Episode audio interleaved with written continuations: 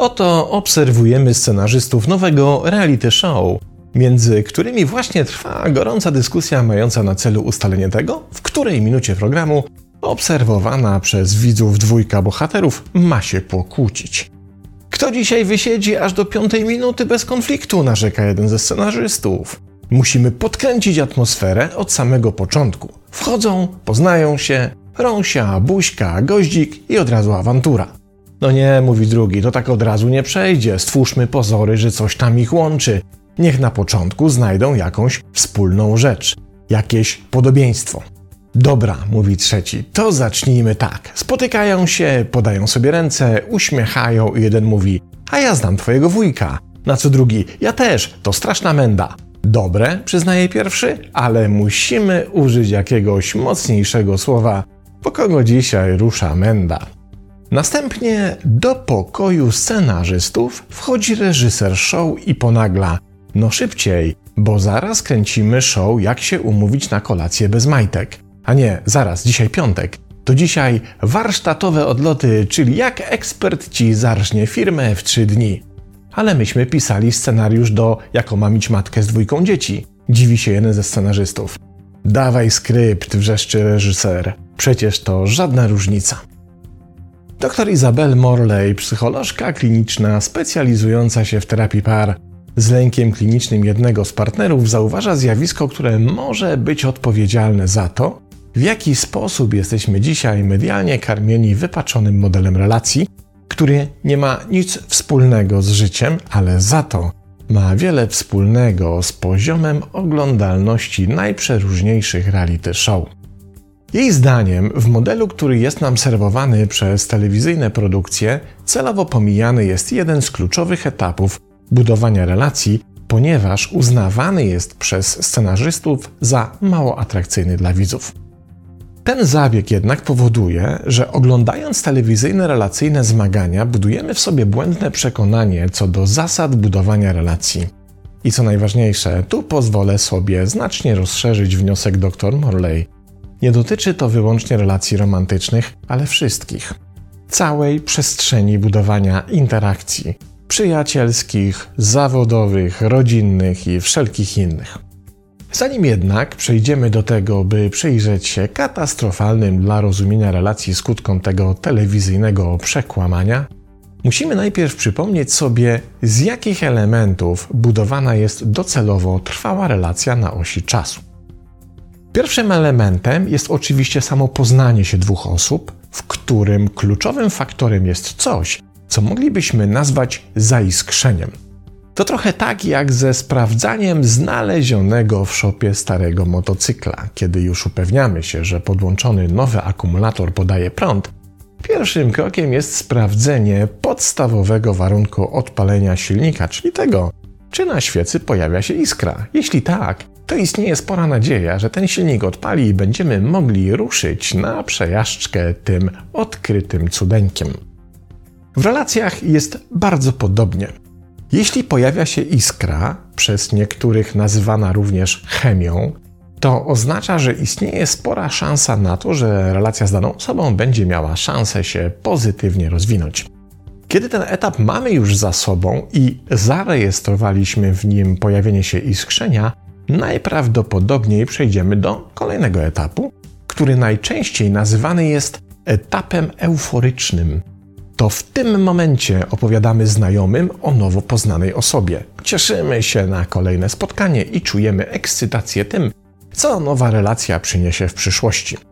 W związkach romantycznych często używa się tutaj zwrotu faza miesiąca miodowego, ale pamiętajmy, że ten etap oczywiście w różnym natężeniu pojawia się również w innych relacjach. Na przykład wtedy, kiedy po nowej znajomości sobie wiele obiecujemy, kiedy wiąże się ona dla nas otwierającymi się możliwościami, czy też kiedy uznajemy, że nowa znajomość może wnieść konkretny, pozytywny wkład w zmianę naszej dotychczasowej aktywności. Trzecim etapem jest tak zwana wczesna faza przywiązania, w której mija już początkowa euforia i pojawiają się pierwsze kroki budowania zaufania, próby konstruowania wzajemnego zrozumienia czy zalążki przyszłej bliskości. To etap inwestycyjny, w którym rozpoznajemy relację jako rokującą na przyszłość i jesteśmy gotowi do konkretnych, podejmowanych w zaufaniu działań, w których znacznie się odsłaniamy, ufając, że druga strona odpłaci nam tym samym poziomem energetycznej inwestycji.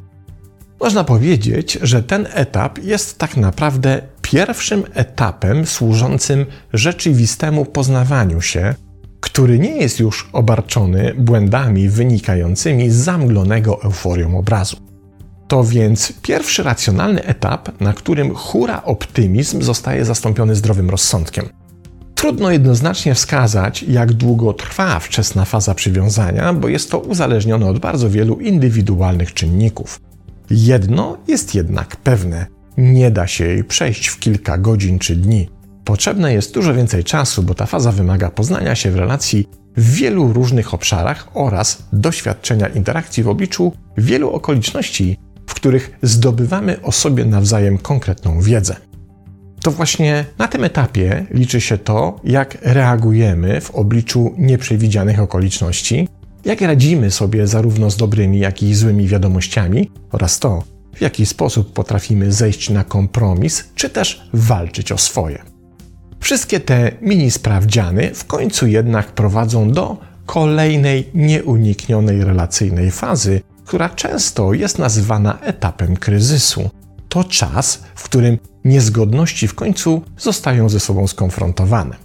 To moment, jak wskazuje dr Morley, w którym zaczynamy kwestionować te relacje, chociażby z tego powodu, że dotychczasowe słodkie i niewinne dziwactwa zamieniają się w niedopuszczalne wady.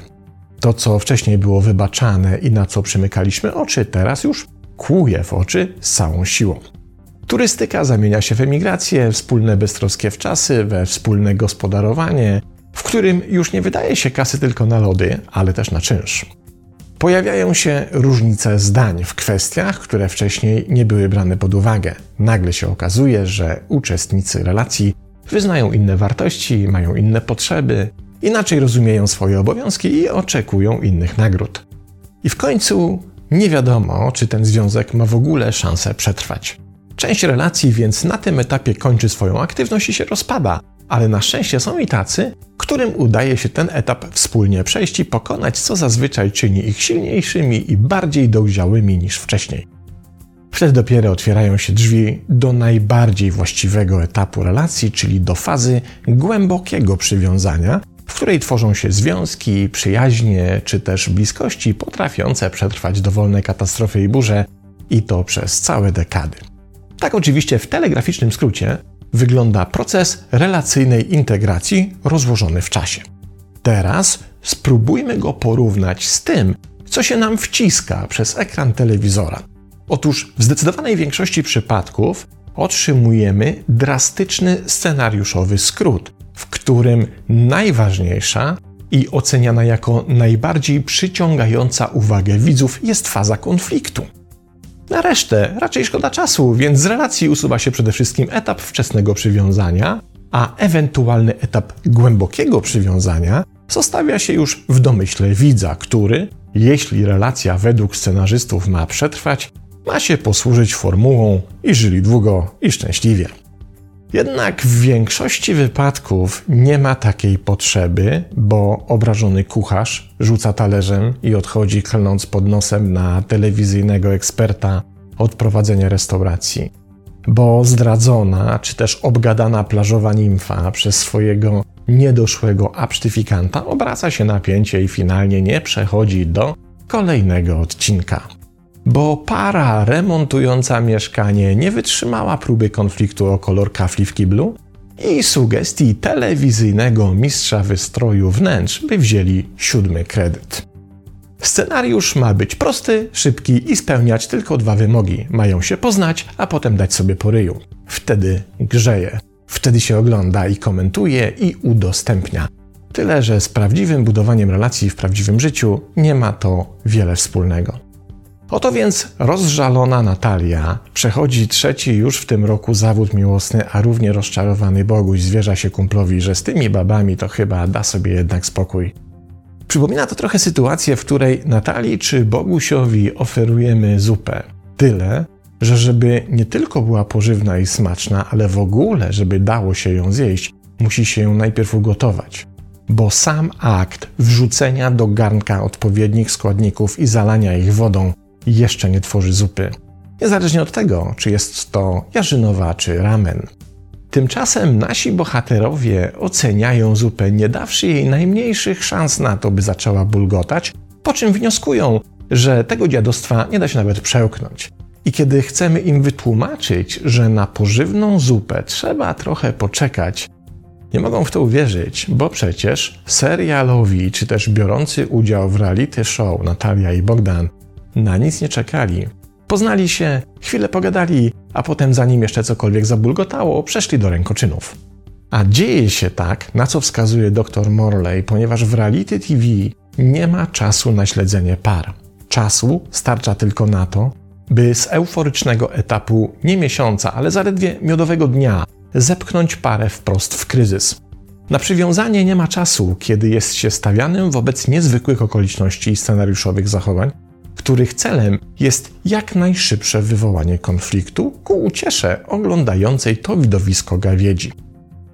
Czy istnieje jakieś remedium na to szaleństwo, które by pozwoliło młodym i nie tylko młodym ludziom zweryfikować, że to, co widzą na ekranie, nie jest tym, co dzieje się w życiu? Nie przychodzi mi tutaj na myśl nic innego jak memorandum nieodżałowanego filozofa i awanturnika Maksymiliana Paradysa, który był łaskaw użyć kiedyś słów: Uwaga, to może być sztuczne, co szczerze polecam w kontekście oglądania kolejnych niby reality show. Pozdrawiam.